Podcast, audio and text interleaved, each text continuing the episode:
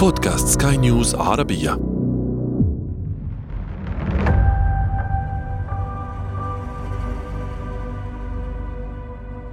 المكان العاصمة المصرية القاهرة. الحدث موكب مهيب وفريد.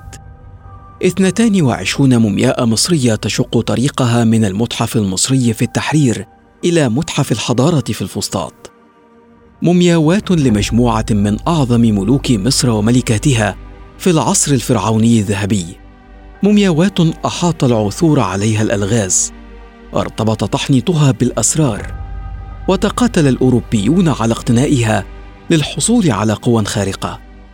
ارتبطت بكارثة السفينة تايتانيك وجرى تحنيط إوازة في القرن العشرين بنفس تقنية تحنيطها قبل آلاف الأعوام فكانت النتيجة مذهلة.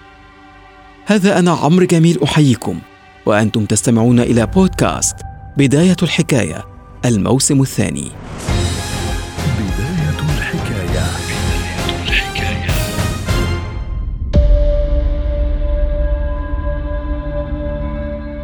في القرنين الثامن عشر والتاسع عشر كانت الحضارة الفرعونية قد تحولت إلى هوس بالنسبة للأوروبيين. كشفت الحملة الفرنسية على مصر النقاب عن كثير من أسرارها وفكت رموزها على يد فرانسوا شامبليون ما فتح باب فهم تلك الحضارة بكتاباتها وغموضها وألغازها. تحولت مناطق صعيد مصر خاصة إلى ما يشبه كعبة المغامرين وجامع الآثار والباحثين عن الثراء السريع. خرجت كنوز مصرية لترى النور للمرة الأولى منذ آلاف السنين. وكان غالبيتها العظمى يهرب لخارج مصر.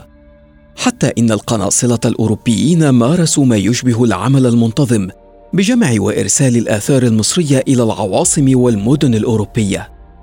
أصبحت الهدايا المتمثلة في الآثار المصرية موضة بين الطبقة الأوروبية الاستقراطيه وكانت التوابيت من بين أهم القطع الأثرية طلبا.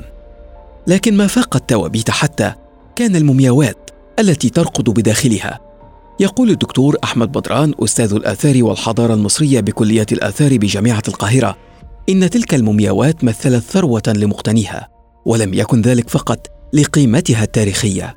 كان في اعتقاد بيسود في كل أوروبا إن المومياوات دي ليها قوة خارقة وليها قوة علاجية وإن هم كانوا بيتعالجوا بمسحوق المومياوات. يعني المومياوات كانت بتصدر كانت بتتاخد من مصر. تطلع بره مصر وتوصل هناك عندهم يصحنوها وكانوا بيكتبوها كعلاج للأمراض عندهم اعتقادا في قوة التأثير اللي بتحدثه المومياوات دي.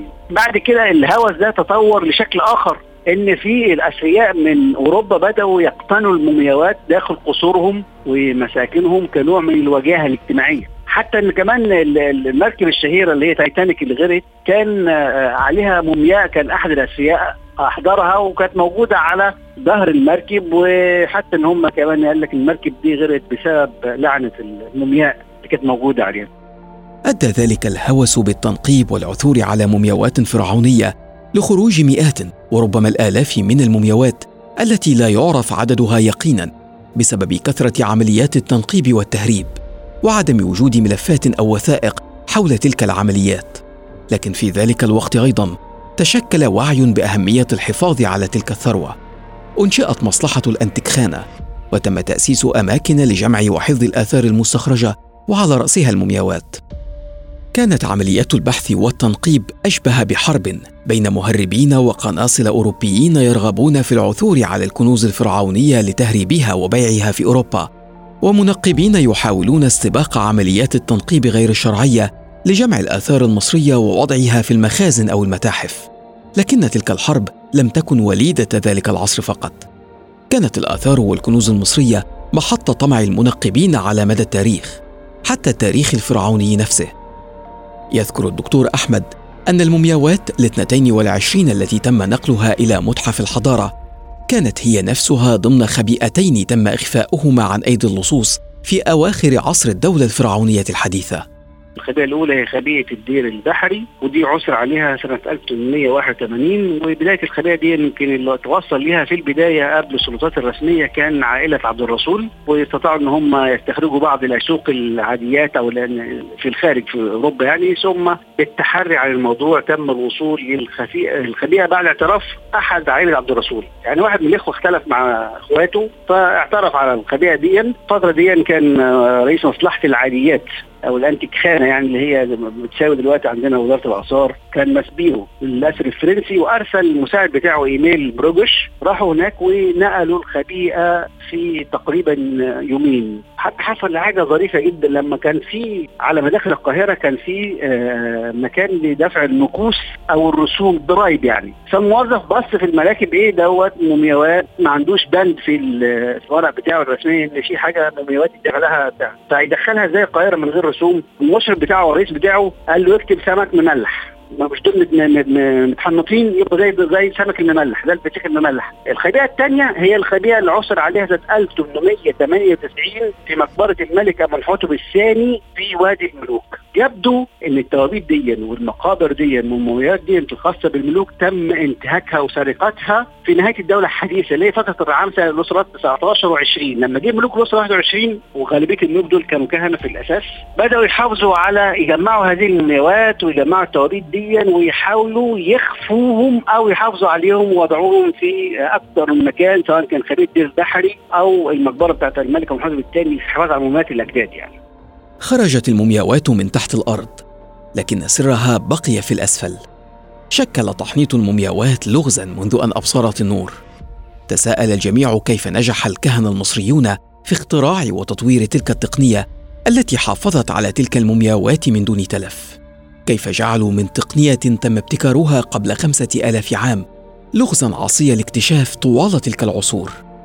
في فبراير من عام 2012 تمكنت عالمة المصريات في جامعة كوبنهاجن الدنماركية صوفي شيدت من فك رموز بردية طبية مصرية يعود عمرها لثلاثة آلاف وخمسمائة عام وتعد الأطول من نوعها.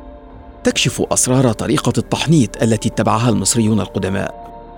ضمت البردية نصا يتعلق بالأدوية العشبية وتورمات الجلد وتفاصيل دقيقة عن التحنيط. لكنها أيضا كانت تخاطب المتخصصين في ذلك الفن من خلال نصوص تذكيرية مثل الوصفات غير الواضحة أو استخدامات أنواع مختلفة من الضمادات. تحدثت البردية أيضا عن طريقة تحنيط الوجه من خلال مكونات هي مزيج من مواد عطرية نباتية ومواد رابطة يتم مزجها في سائل. يقوم المحنطون بعدها بتغطية قطعة من الكتان الأحمر ثم يتم وضع ذلك الكتان على وجه المتوفى من أجل تغليفه في شرنقة واقية من مادة عطرية ومضادة للبكتيريا. ويتم تكرار هذه العملية لمدة أربعة أيام من عملية التحنيط. كانت تلك البردية أحدث حلقة لكشف أسرار التحنيط. اللافت كما يقول الدكتور أحمد إن تجربة تمت باستخدام نفس تلك المواد لتحنيط إوزة. وأثبتت نجاحها في الحفاظ على جسد الإوزة تماما كما تم حفظ المومياوات المصرية القديمة.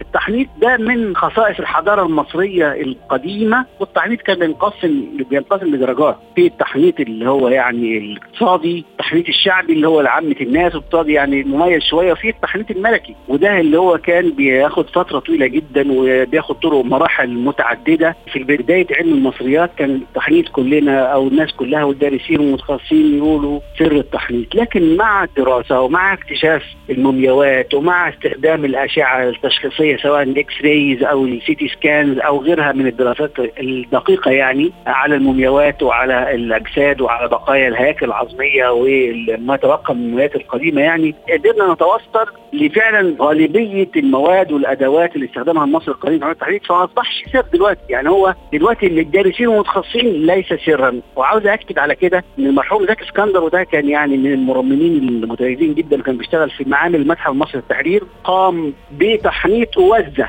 بنفس الطريقة اللي استخدمها المصري القديم في تحنيط المومياوات الخاصة بالحيوانات والطيور وهي شبيهة كمان بالطريقة اللي استخدموها في تحنيط الإنسان. لا تزال هذه الوزة موجودة في متحف التحنيط في الأقصر متحف خاص بالتحنيط الموجود عندنا في الأقصر. محتفظين بالتجربة اللي قام بها زكي اسكندر.